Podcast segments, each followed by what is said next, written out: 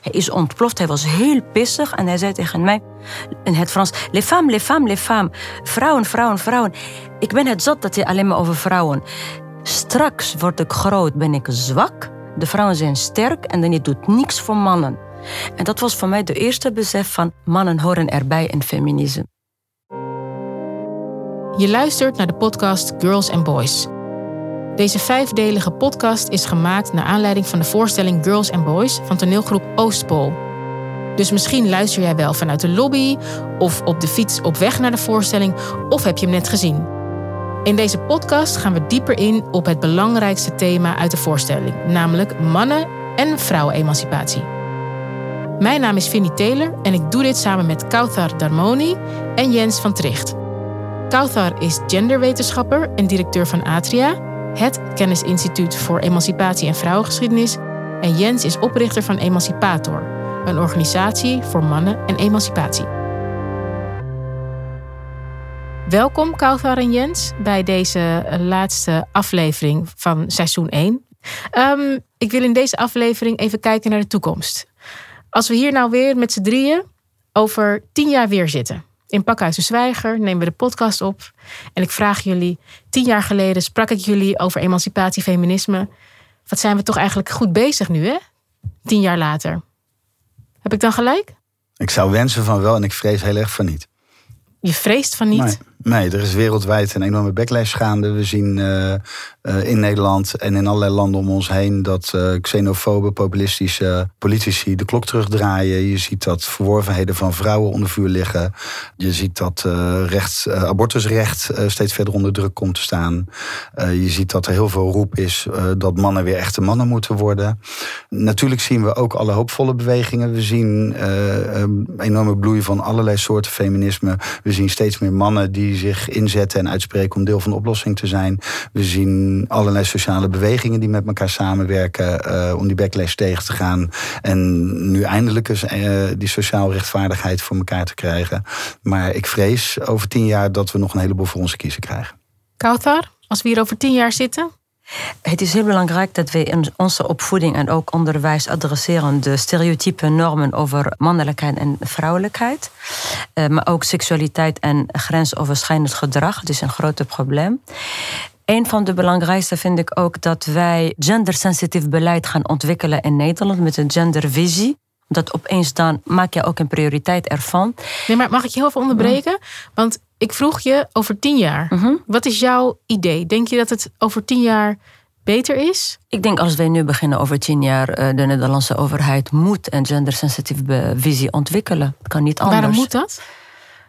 Omdat, wat Jens ook zei, dat gaat helemaal niet goed. En in Nederland, we zijn ontzettend goed in de marketing van onze progressieve imago, maar dat zijn we niet.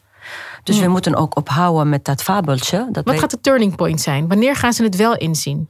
Als je kijkt naar het werk dat wij doen, ook samen met Emancipator, wij maken gewoon data. We verzamelen ook onderzoek om te laten zien als een spiegel tegen de overheid. Dit is wat is gaande, is doe iets eraan.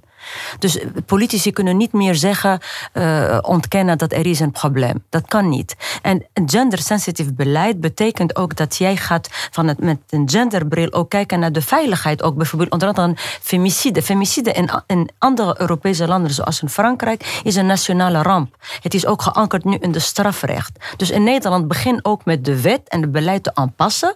Zo, en dat is, kan gebeuren alleen met een gendersensitief beleid. Ja. En ik ga toch even advocaat van de duivel spelen. Want je hebt natuurlijk heel veel dingen in een land die opgelost moeten worden, waarvan dat één onderdeel is. Um, wat zou er gebeuren over tien jaar als we precies doorgaan op de weg die we nu zijn ingeslagen? We, gaan, we veranderen niks. De man-vrouw verhoudingen, er wordt geen uh, gendersensitief beleid uh, ontwikkeld. We gaan precies door. Wat is dan de schade over tien jaar? dan is femicide in Nederland niet één keer per week een vrouw wordt vermoord door een partner of een ex-partner, maar dan is het één keer per dag of twee keer per dag, bijvoorbeeld. Dus je denkt echt als we nu niks doen, dat er meer vrouwen vermoord of um, geweld aan wordt gedaan door mannen? Ja, en dan heb je een hele generatie mannen die worden opgevoed en die gaan groeien met een verkeerde beeld over vrouwen. Krijg je meer geweld in de maatschappij. Krijg je suïcide onder mannen is heel hoog, meer dan bij vrouwen. Krijg je meer depressieve mannen. In Nederland doen we vaak ook vanuit de politiek aan symptoombestrijding in plaats van oorzaakbestrijding. Hmm. Jens, jij hebt natuurlijk met jouw organisatie Emancipator spreek je veel mannen. Denk jij dat ook? Over tien jaar, als we helemaal niks doen? Veruit de grote meerderheid van mannen zijn heel normale, beschaafde mensen die gewoon willen dat we normaal met elkaar omgaan. Die eigen gelijke rechten en gelijke kansen en gelijke behandeling meest vanzelfsprekende zaak ter wereld vinden. Uh, die geweld niet vinden kunnen, et cetera. En ondertussen moeten ze zich verhouden tot dat hele monolithische traditionele, uh, schadelijke, destructieve manbeeld. En die spanning, uh, denk ik dat groter gaat worden de komende tien jaar. Laatste vraag, hè, wat ik me afvroeg. Jij hebt in een van de vorige afleveringen gezegd... de mannen die ik dan een workshop aanbied... die dus bij mij op workshop komen over, om over die mannelijkheid te praten... die altijd dan aan jou zeggen... nou, mijn vrienden mogen het niet weten hoor die mannen die bij jou komen, die hebben dus al een soort van, daar is een zaadje geplant. Die doen iets actiefs, die gaan bij jou op cursus om een medestander te worden. Hoe bereik je die vrienden? Nou, niet alle mannen die bij ons komen zeggen dat. Klopt, maar ik, ik bestelde het even zo zwart-wit. Ja, nee, maar de meeste mannen die bij ons komen, komen omdat zij het verschil willen maken. Omdat ze tools willen en inzichten. Uh, en ook contact met andere mannen, waarmee zij in hun eigen omgeving hiermee aan de slag kunnen. Uh, en dat is hoe bereiken wij mannen? Wij bereiken mannen door het planten van zaadjes, zoals jij noemde, door kringen in het water, door de mannen die willen uh, bij elkaar te brengen en te versterken. En ook te verbinden met vrouwen- en vrouwenorganisaties, uh, zowel lokaal, nationaal als internationaal. Steeds verder eigenlijk beweging te genereren. Want dat doen we, het moet normaal worden. Het moet ook niet een heroïsche daad worden om opeens hiermee bezig te, te, te gaan houden. Het zou normaal moeten zijn. Ja. Mag ik eh, tot slot vragen, wanneer zagen jullie dit moet anders? Wat was het moment? Heel concreet. Zo concreet was het moment voor mij niet. Ik was actief in de kraakbeweging in Amsterdam. Ik kwam daar vrouwen tegen met vreselijke verhalen over geweld. Verschillende soorten geweld die ze hadden meegemaakt. Toen kwam ik daar langs in aanraking met feminisme in brede zin. Toen zag ik in dat de problemen waar we ons druk over maakten in de wereld eigenlijk allemaal voor het grootste deel door mannen veroorzaakt werden. En dat we met onszelf ook persoonlijk aan de slag moesten als we die wereld wilden veranderen. Daar heb je dus weer het persoonlijke en het politieke bij elkaar. Ze kunnen niet zonder elkaar. Oké, mooi. Kautar?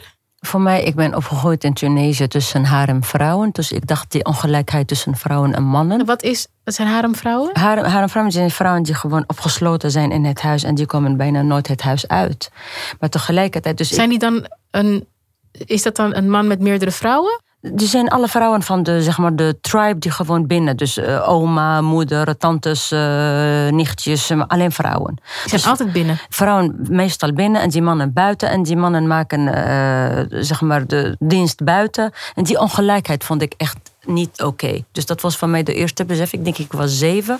Maar, zeven? Ja. Had je toen al dat besef ja, van mannen? Ja, Jij wilde ook naar buiten? Ja, ik mocht niet omdat je een meisje bent. En ik vond dat zo ongerechtvaardig, omdat wat kan ik iets aan, ik, wat kan ik aan doen dat ik een meisje ben? Ja. Dus dat is voor mij eerst van, dit moet echt stoppen. En de tweede momenten, toen ik moeder met mijn zoon, en hij is ontploft, hij was heel pissig en hij zei tegen mij in het Frans, les femmes, les femmes, les femmes. Vrouwen, vrouwen, vrouwen.